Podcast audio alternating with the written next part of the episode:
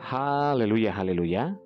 Puji Tuhan kita berjumpa kembali dalam Renungan Podcast Harian bersama saya Yudi Seda Daniel. Anugerah dan kasih Tuhan senantiasa melingkupi kehidupan kita. Renungan kita pada saat ini berjudul Dapat melewati badai asalkan tidak bimbang. Bacaan firman Tuhan dalam Matius 14 ayat 22 sampai 33, namun kita di dalam ayat 28. Firman Tuhan berkata, Lalu Petrus berseru dan menjawab dia, Tuhan, apabila engkau itu seluruh aku datang kepadamu, berjalan di atas air. Saudara, ada hukum alam yang mengatakan bahwa sebuah benda dengan berat jenis yang lebih besar dari berat jenis air, maka akan tenggelam. Jadi secara logika, berjalan di atas air adalah hal yang mustahil dilakukan oleh manusia. Dari pembacaan firman Tuhan dinyatakan bahwa pada waktu itu pantai itu sedang diombang-ambingkan gelombang karena angin sakal. Bisa dikatakan bahwa keadaan saat itu sangatlah berbahaya. Tetapi Petrus justru membuat keputusan yang sangat berani, yaitu melangkah ke dalam air.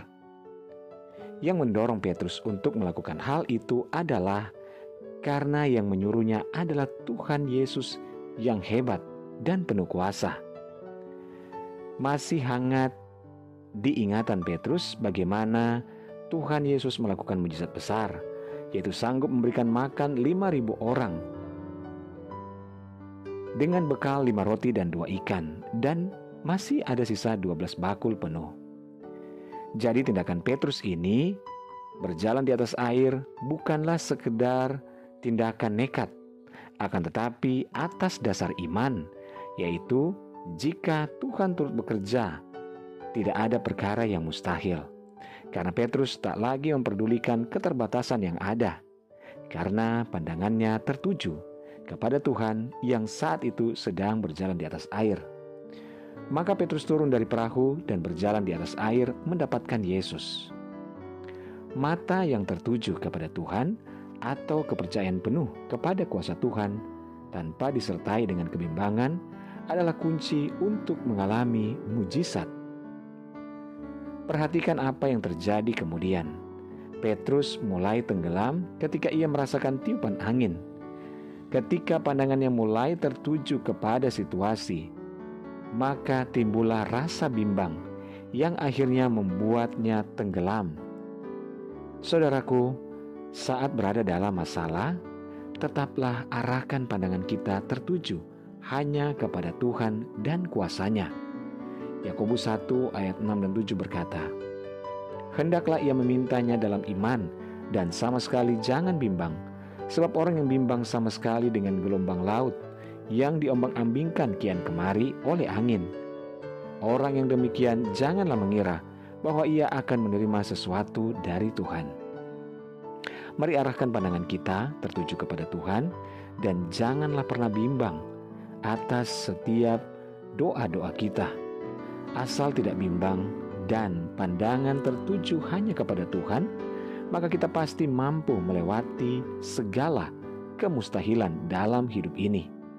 Karena Tuhan yang beserta kita adalah Tuhan yang berdaulat penuh atas segala sesuatu. Kuasanya tidak terbatas. Haleluya. Mari kita berdoa. Bapa di surga kami bersyukur buat firman-Mu saat ini. Tuhan kami percaya jika kami tidak bimbang dan kami percaya kepada Tuhan, maka tidak ada yang mustahil. Bapak terima kasih buat firman-Mu saat ini. Kami dikuatkan. Dan hamba berdoa saat ini menyerahkan seluruh pendengar renungan podcast harian ini di mana pun berada. Baik yang ada di Indonesia maupun di seluruh mancanegara, Tuhan tolong dalam segala pergumulan.